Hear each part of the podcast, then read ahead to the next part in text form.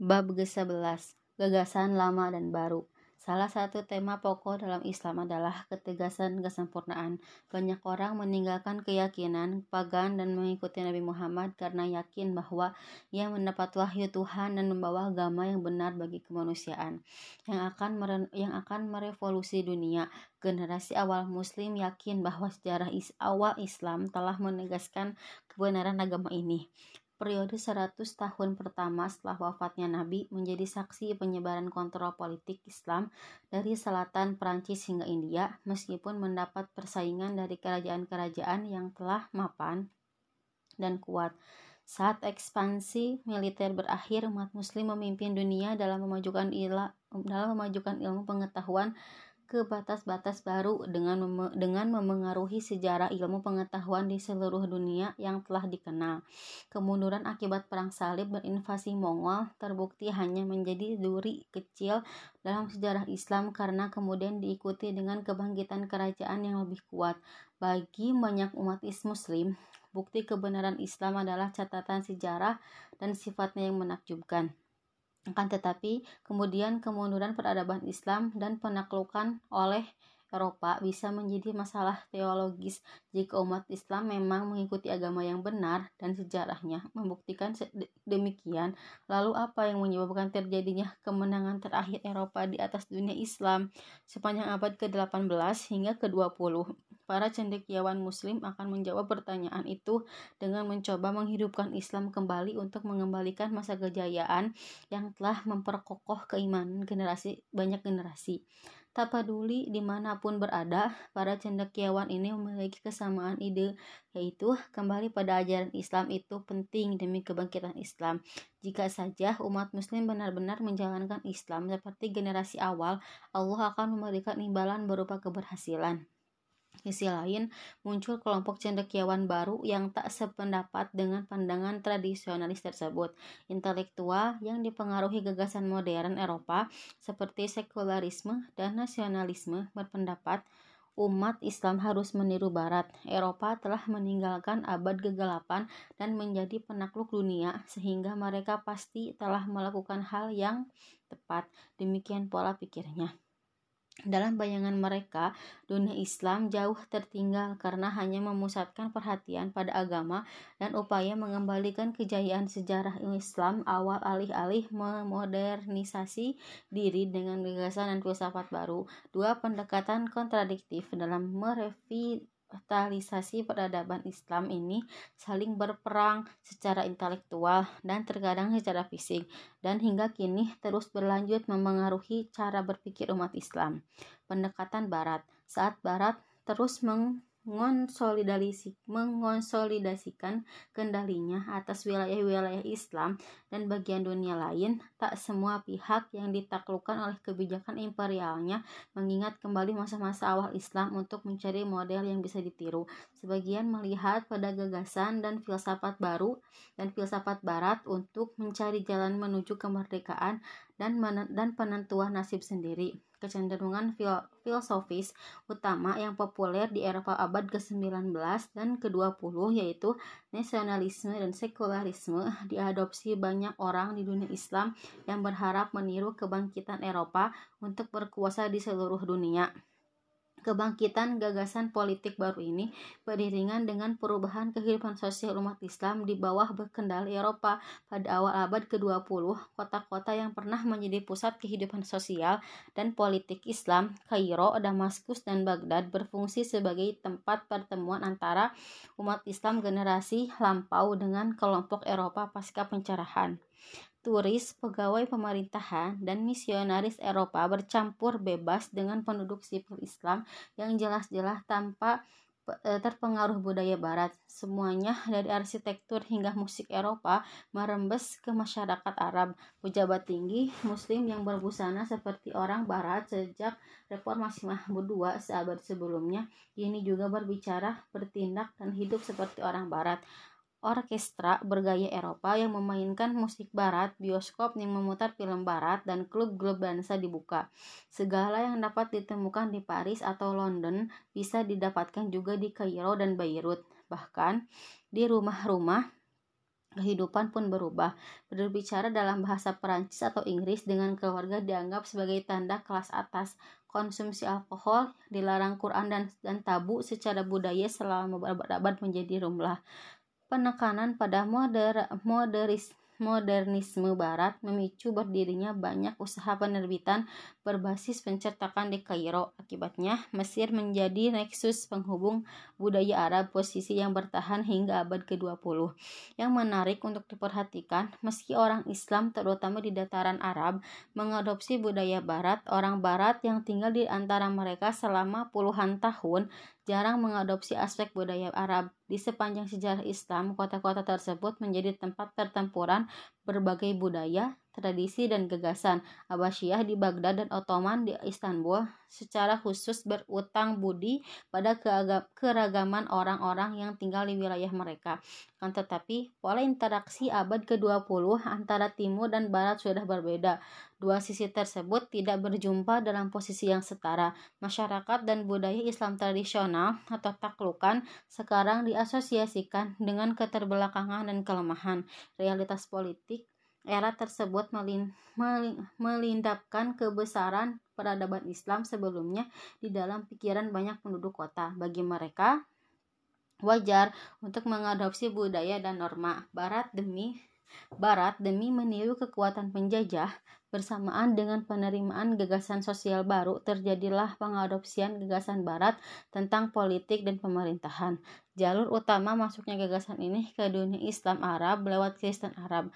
Akibat perjanjian kapitualisasi yang disepakati Ottoman dengan negara barat, masyarakat Kristen di kerajaan ini melakukan hubungan yang ekstensif dengan kekuatan Eropa dengan kekuatan Eropa Barat pedagang, misionaris, dan diplomat Eropa yang bekerja di kerajaan Ottoman menjadikan orang-orang Kristen sejalan secara intelektual dengan Barat, seperti Eropa yang sedang melepaskan mata lalunya yang berdasarkan keagamaan dan memilih pemerintahan liberal, nasionalisme, dan filosofi sekuler.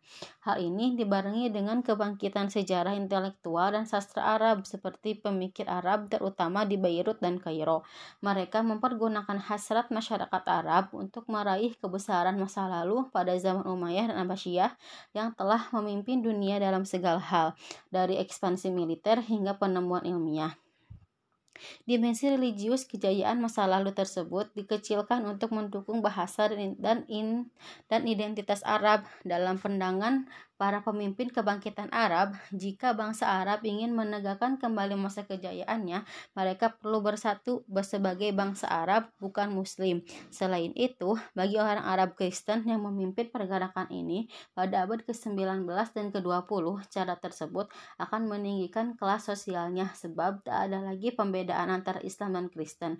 Fokus Islam Sultan Ahmad Hamid II pada akhir 1800-an melemahkan perasaan nasionalisme Arab secara umum. Kaum Arab Kristen tak mampu meyakinkan rekan saudara sebangsanya akan gagasan mereka selama khalifah berjanji mengembalikan kejayaan kekuasaan atas nama Islam bukan nasionalisme. Saat, Albu, saat Abdul Hamid digulingkan pada 1909, pemerintahan Ottoman jatuh ke tangan Turki muda dengan titik fokus nasionalisme sekulernya. Seiring pudarnya pandangan Abdul Hamid dan mengudatnya dukungan terhadap nasionalisme Turki, garis pemisah antara Turki dan Arab menjadi sangat jelas di kalangan warga kerajaan Ottoman. Bangsa Arab telah mengalami masa sulit untuk menegakkan diri secara politik di kerajaan bangsa Turki. Kebangkitan Turki muda hanya membuat bangsa Arab merasa semakin terasingkan. Maka, gagasan nasionalisme Arab Kristen mulai diadopsi oleh Muslim Arab. Kelompok-kelompok rahasia di Damaskus yang berjuang mendirikan negara Arab tumbuh subur di tengah penguasa Ottoman Menjelang 1910-an, mereka menjalin hubungan dengan kekuatan Eropa Barat yang berhasrat memecah belah kerajaan Ottoman yang selama berabad-abad menjadi kutukan bagi kekuatan Eropa. Revivalis tradisional Usaha pertama untuk membangkitkan Islam tradisional dilakukan Muhammad bin Abdul Wahab, berasal dari sebuah suku di gurun pasir Jazirah Arab. Ia mungkin menjalani gaya hidup bangsa Arab yang tak jauh berbeda dengan masa Nabi 1100 tahun lalu. Ia menganut tradisi Hanbali dari Ahmad bin Hambal dan Ibnu Taimiyah yang menekankan keunggulan tradisi kenabian yang autentik di atas segala-galanya. Meski hidup di luar batas-batas kendali kerajaan Ottoman, Abdul Wahab mungkin menyadari kemandekan dan kemunduran kerajaan serta kebangkitan barat. Ia menista sufi, syiah, kaum modernis, dan kelompok lain yang menurutnya telah membuat pembaharuan yang tak islami dalam kehidupan Islam secara umum seperti kaum Khawarij pada 600-an Abdul Wahab dan pengikutnya berpendapat bahwa sebagian besar umat Islam sudah tak beriman. Untuk menyelamatkannya mereka semua harus kembali ke bentuk Islam yang murni serupa dengan yang dijalankan generasi Islam awal. Kaum salaf Gerakan ini berkembang sebagai salafiyah dengan gagasan bahwa setiap muslim harus terus-menerus meniru generasi awal Islam dalam segala aspek kehidupan.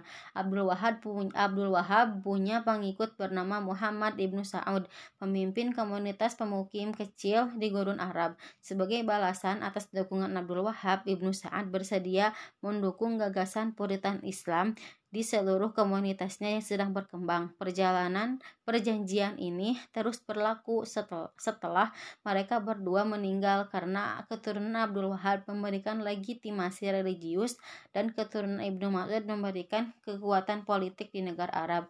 Gerakan Salafi mungkin tak akan memberikan pengaruh besar di luar kot, di luar gurun Arab jika saja negara Arab tak, tak tumbuh begitu cepat.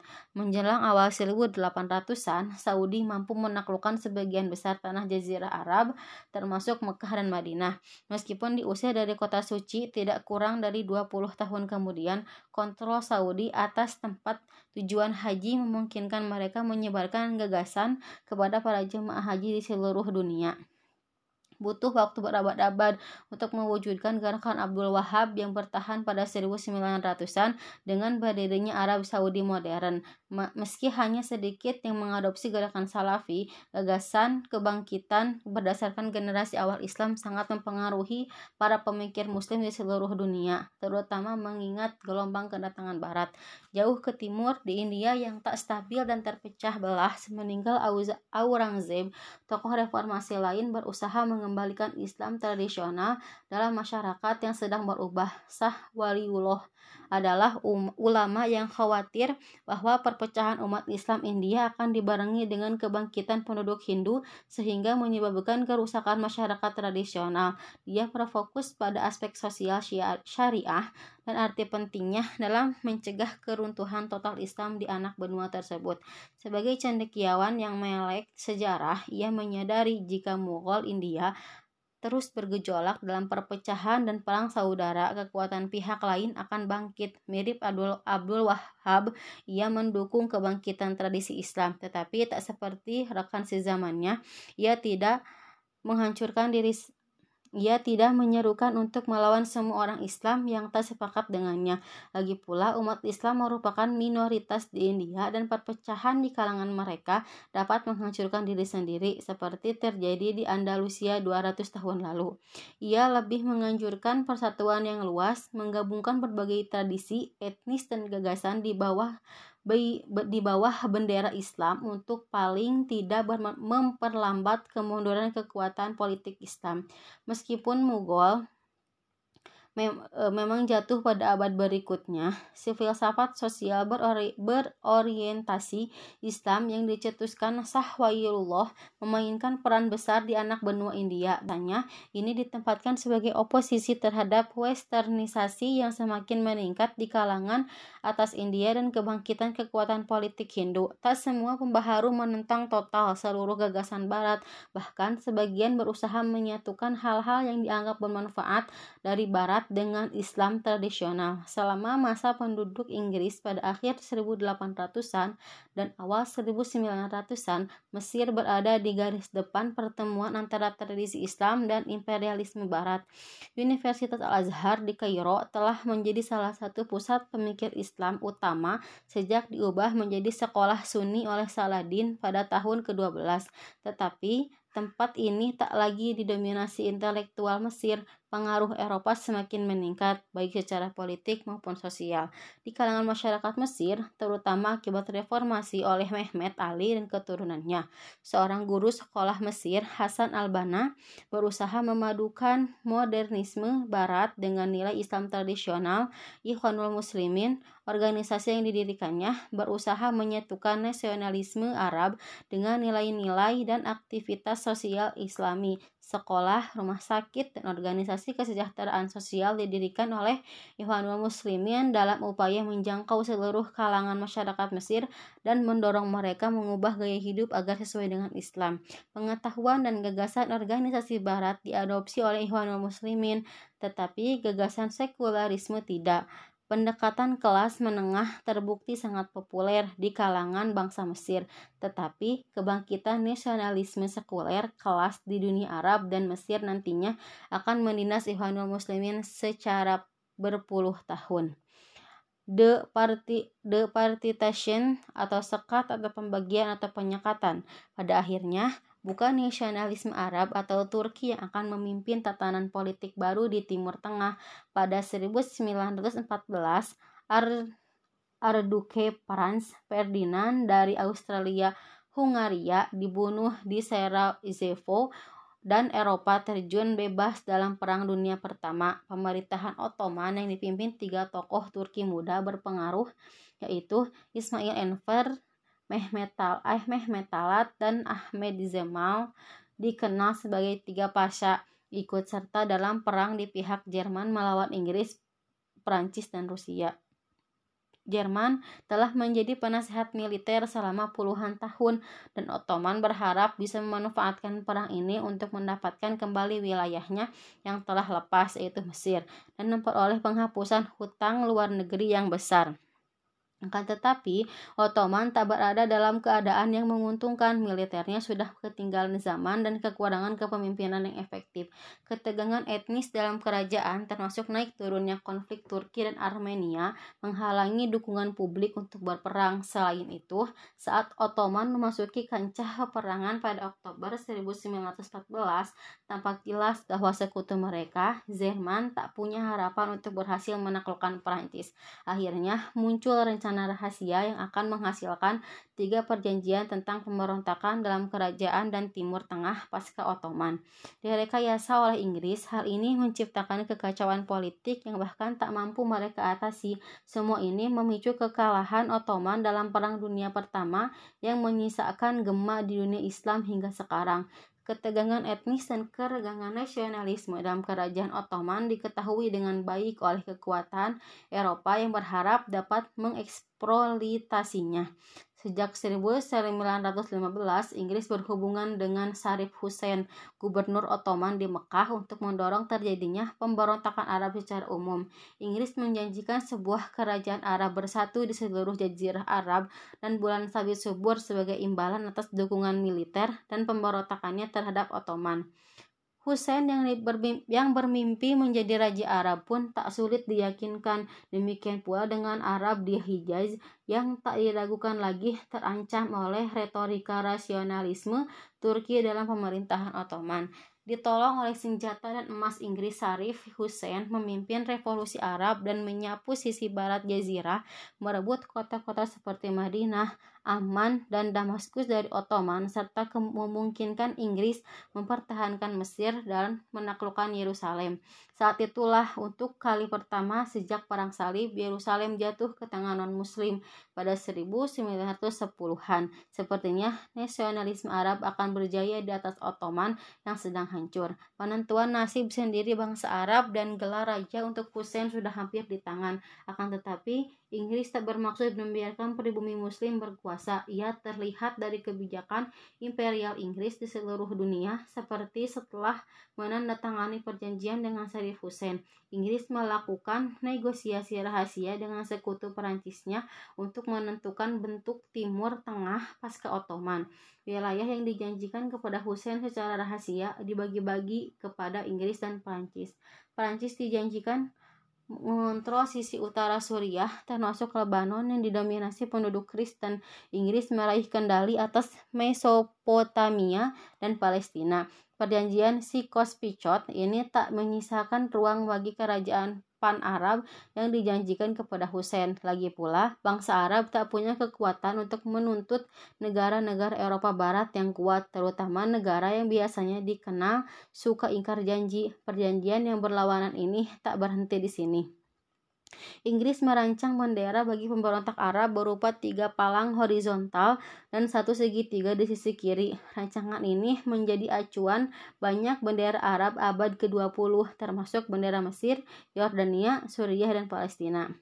Pada 1917, Menteri Luar Negeri Kerajaan Inggris Arthur Balfour mengirim surat kepada Baron Rothschild, bankir berpengaruh Isi surat itu menjanjikan dukungan pendirian rumah nasional bagi orang bagi orang Yahudi di Palestina. Surat tersebut kemudian dikirimkan lebih lanjut pada gerakan Zionis sejak akhir 1800-an, Yahudi di seluruh Eropa telah berusaha melepaskan diri dari antisemitisme dengan mendirikan tanah air Yahudi. Lokasi keinginan mereka adalah Palestina, tempat bangsa Yahudi tinggal sebelum diusir pada 70 sebelum Masehi oleh Romawi.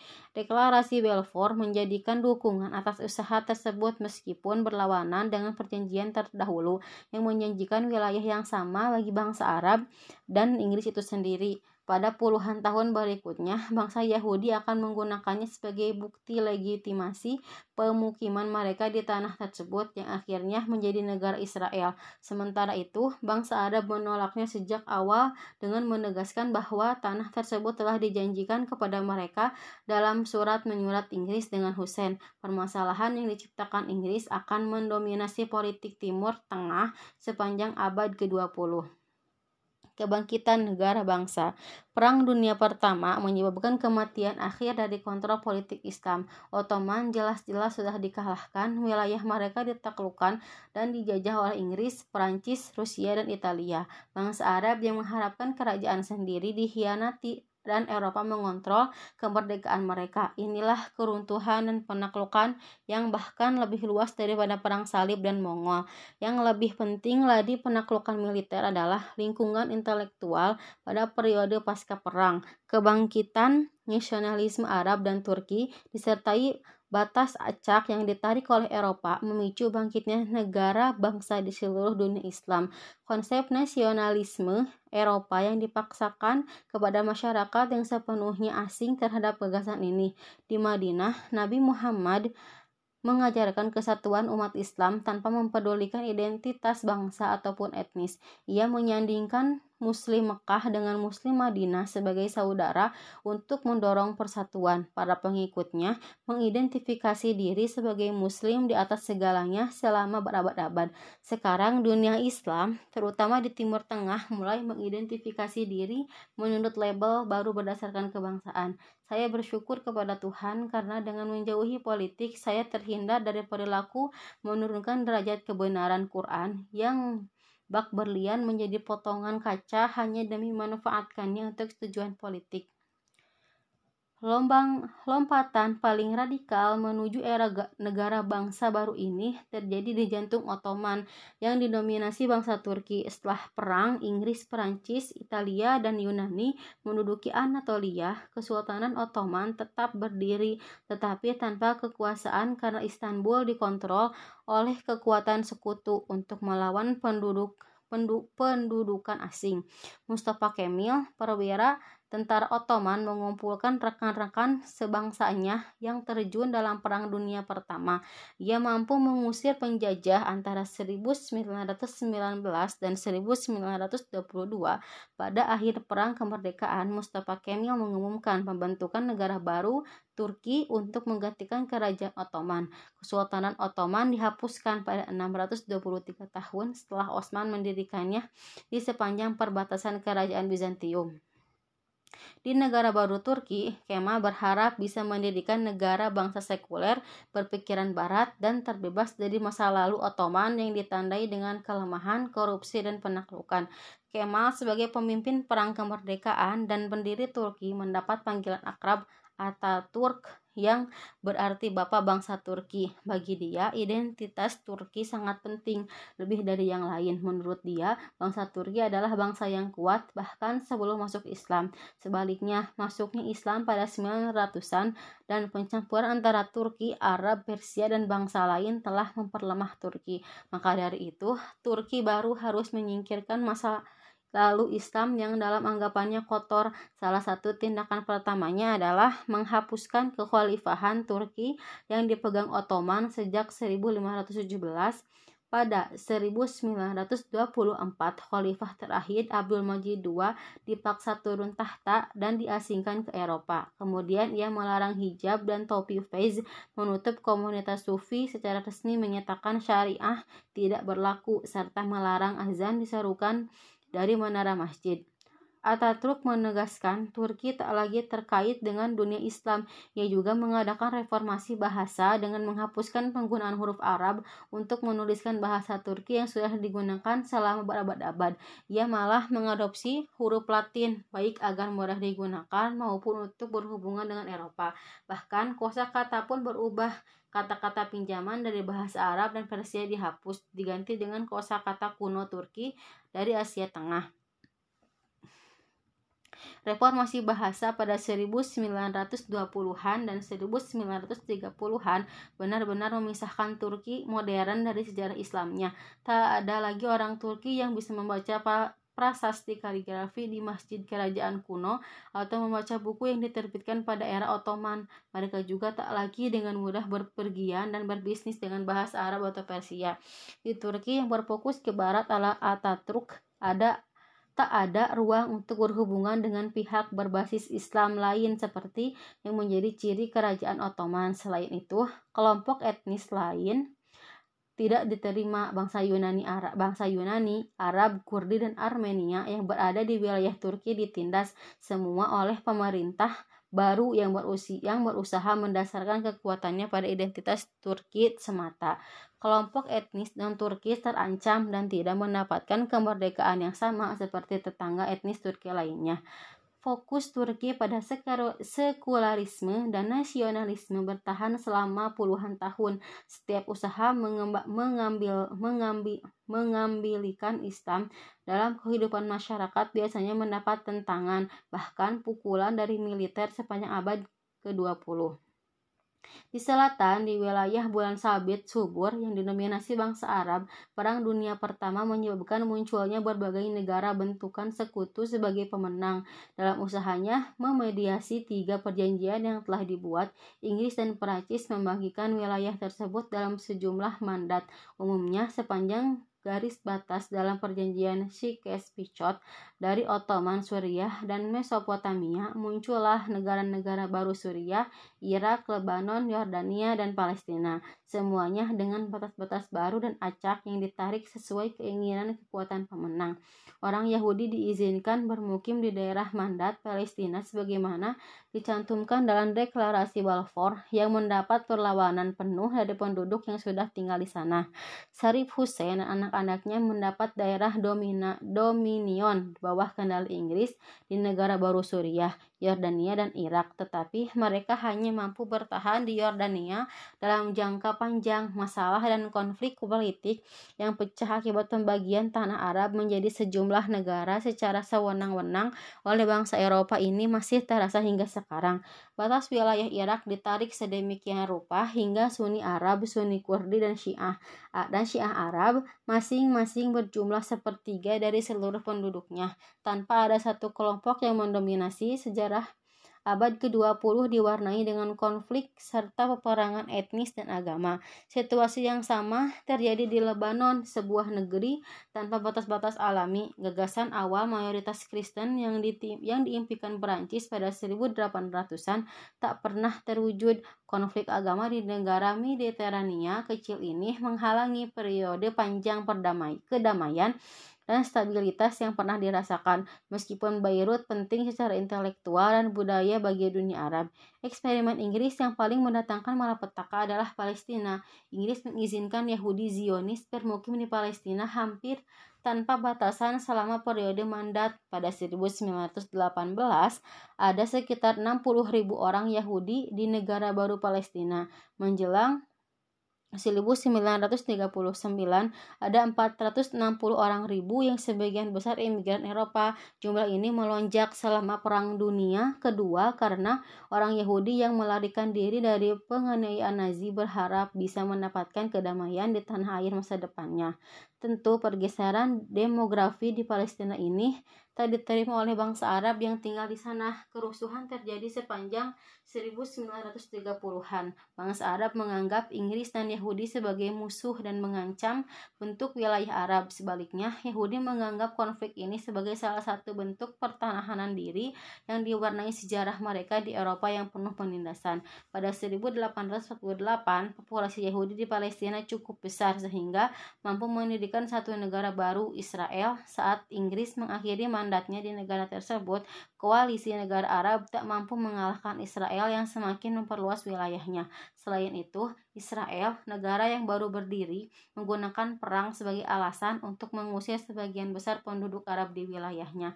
Antara 1948 dan 1949, lebih dari 700 ribu Arab Muslim dan Kristen dipaksa keluar dari tanah mereka dan menjadi pengungsi di Yordania, Mesir, Suriah, dan Lebanon.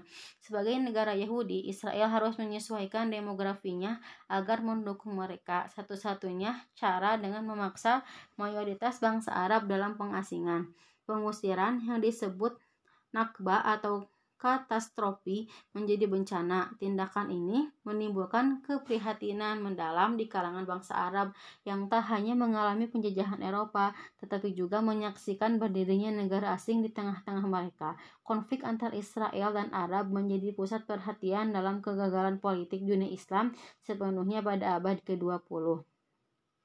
Anak benua India ini juga mengalami kebangkitan negara-negara saat Inggris mundur setelah pemberontakan Sepoi pada 1857 dan, pengeta dan pengetatan kontrol Inggris atas India. Perlawanan terhadap imperialisme mengarah pada pro pada proses in, proses politik dan upaya tanpa kekerasan. Kongres Nasional India didirikan pada akhir 1800-an untuk mendorong kekuatan politik yang lebih besar menghadapi pendudukan Inggris.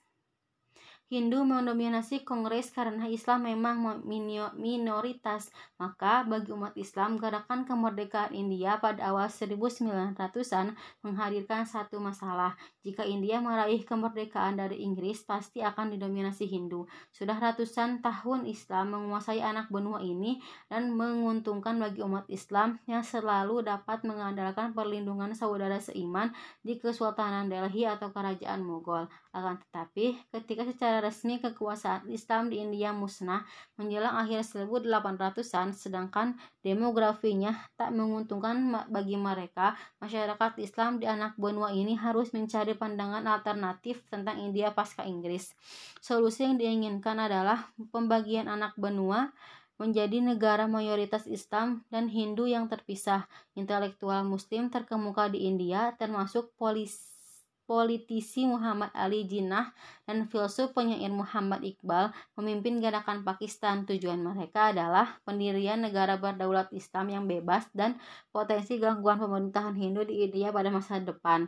Gerakan ini mendapat dukungan sepanjang 1930-an dan 1940-an saat para pemimpinnya menyampaikan gagasan tersebut kepada penduduk Islam melalui deklarasi resolusi dan pidato. Wilayah India yang ditargetkan sebagai negara Islam baru adalah Lembah Indus, tempat munculnya kali pertama kendali politik Islam oleh Muhammad bin Qasim pada 700-an.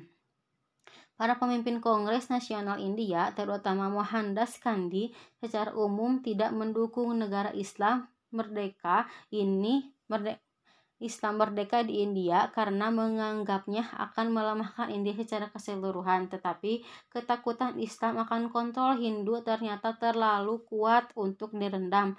Pada 1947, anak buah ini dibagi dua saat Inggris mengakhiri kontrol langsung di wilayah tersebut. Pakistan yang berada di barat laut, Sind, Punjab, dan Balochistan, dan timur Bengali muncul sebagai negara Islam dan menjadi penerus kerajaan besar masa penerus besar Islam masa lalu. Umat Islam pun menjadi minoritas yang semakin sedikit di wilayah Republik India yang akhirnya dipimpin oleh Kongres Nasional India. Pakistan tak hanya menjadi negara Islam yang mendapatkan kemerdekaan pada pada tahun-tahun setelah Perang Dunia Kedua. Uniknya, negara ini menjadi salah satu dari sedikit negara yang menjadikan Islam sebagai dasar, bukannya warisan etnis atau kesetiaan terhadap keluarga raja. Setelah kemunduran peradaban Islam pada abad ke-18 dan diikuti pendudukan Eropa abad ke-19, abad ke-20 menjadi saksi kemerdekaan negara-negara Islam di seluruh dunia. Revolusi Mesir pada 1952 mengakhiri kedudukan Inggris yang tegak sejak 1882 dan membawa dan membawa negara itu di bawah kontrol militer Mesir. Aljazair di bawah pendudukan Perancis sejak awal 1800-an akhirnya meraih kemerdekaan pada 1862 setelah perang yang brutal dan menghancurkan. Periode 1960-an menjadi saksi kemerdekaan negara-negara di sepanjang sub-Sahara Afrika, terdiri atas Nigeria, Mali, Mauritania, Kenya, dan Tanzania. Di Asia Tenggara muncul gerakan kemerdekaan melawan imperialisme Inggris dan Belanda. Indonesia berdiri setelah perang yang panjang dan brutal melawan kekuasaan Belanda pada 1949 di barat laut wilayah Semenanjung Malaka dan Pulau Borneo yang dikuasai Inggris menjadi Malaysia pada 1963. Meskipun menggunakan bahasa, budaya, dan agama yang sama, Indonesia dan Malaysia menjadi negara terpisah berdasarkan batas-batas yang ditetapkan oleh Inggris dan Belanda. Bisa dibilang negara Islam hidup bebas dari kontrol Eropa sepanjang 1900-an, tetapi masih diikat oleh batas-batas yang digariskan bekas penjajahan mereka. Nama Pakistan terbentuk dari akronim wilayah-wilayah yang yang mayoritas beragama Islam yaitu Punjab, Provinsi Afgania, Kashmir, Sind, dan Balochistan. Islam dan sekularisme. Sepertinya pada titik ini dunia Islam sekali lagi telah mampu mengatasi kekuatan politik yang mengancam. Sifat sejarah Islam yang berulang menunjukkan bahwa setelah periode lemah dan invasi, kekuasaan Islam yang baru dan kuat akan bangkit, mengembalikan kejayaan negara Islam lama. Setelah kebangkitan negara-negara Kristen di Andalusia, Morabitun dan Muwahidun bangkit pada abad ke-11 dan ke-12 untuk menyatukan Iberia dan Afrika Utara. Setelah invasi perang salib dan penerusnya, Mamluk menyatakan Mesir, Suriah, dan Hijaz. Invasi Mongol pada abad ke-13 menimbulkan kebangkitan Ottoman dan kerajaan ke-13 menimbulkan kebangkitan Ottoman dan kerajaan tiga benua hingga di pintu depan Eropa Tengah. Sekarang, sepertinya pada abad ke-20, gelombang imperialisme Eropa akhirnya berhenti dan inilah saatnya bagi kekuasaan Islam yang baru dan mendominasi dunia. Fazul Khan, seorang muslim dari Bengali, merancang Search Tower di Chicago yang menjadi ini menjadi gedung tertinggi di dunia saat diresmikan pada 1973. Kali ini, kerajaan Islam tradisional tak akan muncul. Puluhan negara muslim menghiasi peta dunia yang dipecah-pecah oleh batas acak sebagai warisan kolonial Eropa. Perpecahan ini terbukti fatal bagi dunia Islam di Timur Tengah, ketidakmampuan Mesir Yordania, Suriah, dan Lebanon bersatu menyebabkan Israel yang didirikan oleh pemukim muslim pelarian dari penindasan Eropa mampu mengalahkan mereka secara militer dan menang dalam perang pada 1967 dan 1973. Di Asia Selatan, Pakistan Timur pecah menjadi Bangladesh pada 1971 sehingga memecah negara yang berpotensi menjadi penyeimbang kekuatan India. Di Afrika Barat, sekian banyak negara negara yang terpecah mengalami kesulitan ekonomi dan terus bergantung pada Perancis setelah kemerdekaannya tanpa persatuan. Kekuatan politik dunia Islam relatif tak akan berubah setelah kemerdekaan. Negara-negara kecil yang paling bersaing, yang saling bersaing, sisa periode Taifa Andalusia dan desentralisasi kerajaan Abbasiyah tak mampu menciptakan dunia Islam yang kuat. Bagian terbesar kegagalan tersebut adalah pergeseran ideologi yang tegas dalam politik Islam. Dalam sepanjang sejarah Islam, negara baru telah mendasarkan dirinya pada aturan Islam itu sendiri. Bahkan dalam kerajaan yang tindakannya dapat dianggap melanggar hukum Islam, keutamaan Islam itu sendiri menjadi kekuatan pemersatu yang terkait yang terberikan. Akan tetapi, pada abad ke-20, berbagai negara Islam yang baru merdeka tidak melihat kejayaan masa lalu dan berusaha menciptakannya kembali. Malahan, mereka hampir selalu memiliki pandangan sekuler dan nasionalis. Konsep ini benar-benar asing bagi dunia Islam pada 1200 tahun pertama, kan tetapi melalui imperialisme Eropa, gagasan ini ditanamkan dalam pikiran masyarakat kelas atas Islam yang akhirnya memimpin pemerintahan setelah merdeka. Formula pencerahan dari Eropa serta pengembalian agama dan pemerintahan tradisional kemudian diadopsi oleh sebagian kalangan di hampir setiap negara Islam. Contoh yang paling ekstrim adalah Turki, yang secara resmi menganggap syariah melanggar hukum menghapuskan kekhalifahan dan memproklamasikan diri sebagai negara sekuler sepenuhnya. Dengan dipimpin Mesir, dunia Arab mengadopsi sosialisme dan nasionalisme sebagai sarana menciptakan negara bangsa yang kuat. Meskipun pada dasarnya negara Syiah Iran dipimpin pemerintahan sekuler yang sejalan dengan Barat hingga 1979 tentu saja ada pengecualian yang paling menonjol Arab Saudi. Negara Arab Saudi berbentuk monarki absolut, mirip negara suku Arab berabad yang lalu. Arab Saudi mendapat legitimasi kekuasaan melalui ideologi Salafi dari Muhammad bin Abdul Wahab. Tetapi secara keseluruhan, negara-negara Islam menegakkan gagasan politik Islam dan memilih ideologi sekuler yang dipromosikan Barat dunia Islam harus benar-benar menyatukan masa lalu yang berorientasi Islam dengan masa kekinian yang didominasi paham sekuler. Saat ini, kaum tradisionalis yang menuntut dunia Islam kembali ke masa-masa ketika Islam dan politik saling berjalin ke kelindan. Kelompok yang paling ekstrim dari kalangan ini dengan penuh ancaman menyokong kembalinya kekuasaan Islam, sedangkan yang lain mengambil jalan yang lebih moderat. Mereka meyakini bahwa pendidikan, pembenahan struktur politik yang ada, dan pelayanan masyarakat yang baik akan dapat mempercepat kembalinya Islam politik. Di sisi, di sisi spektrum yang berlawanan, ada mereka yang berpendapat bahwa masa-masa Islam memainkan peran yang politik sudah berakhir. Mereka menganjurkan pemutusan tradisi untuk mendukung gagasan baru yang sebagian besar berasal dari Barat tentang pemerintahan, masyarakat, dan politik. Amerika perlu memahami Islam karena inilah agama yang menghapuskan masalah ras dalam masyarakat. Pandangan masyarakat Islam tentang peran Islam masa kini telah tetap terpecah. Yang terbaru, peristiwa musim semi, Arab dan pergolakan di Mesir, Tunisia, dan Suriah makin memperjelas ketidakcocokan kedua pihak yang bersaing ini. Sekali lagi, Turki berada di persimpangan jalan antara sekularisme dan Islam politik saat sebuah pemerintahan yang berorientasi Islam berusaha membalikan sekularisme negara yang sudah berjalan puluhan tahun.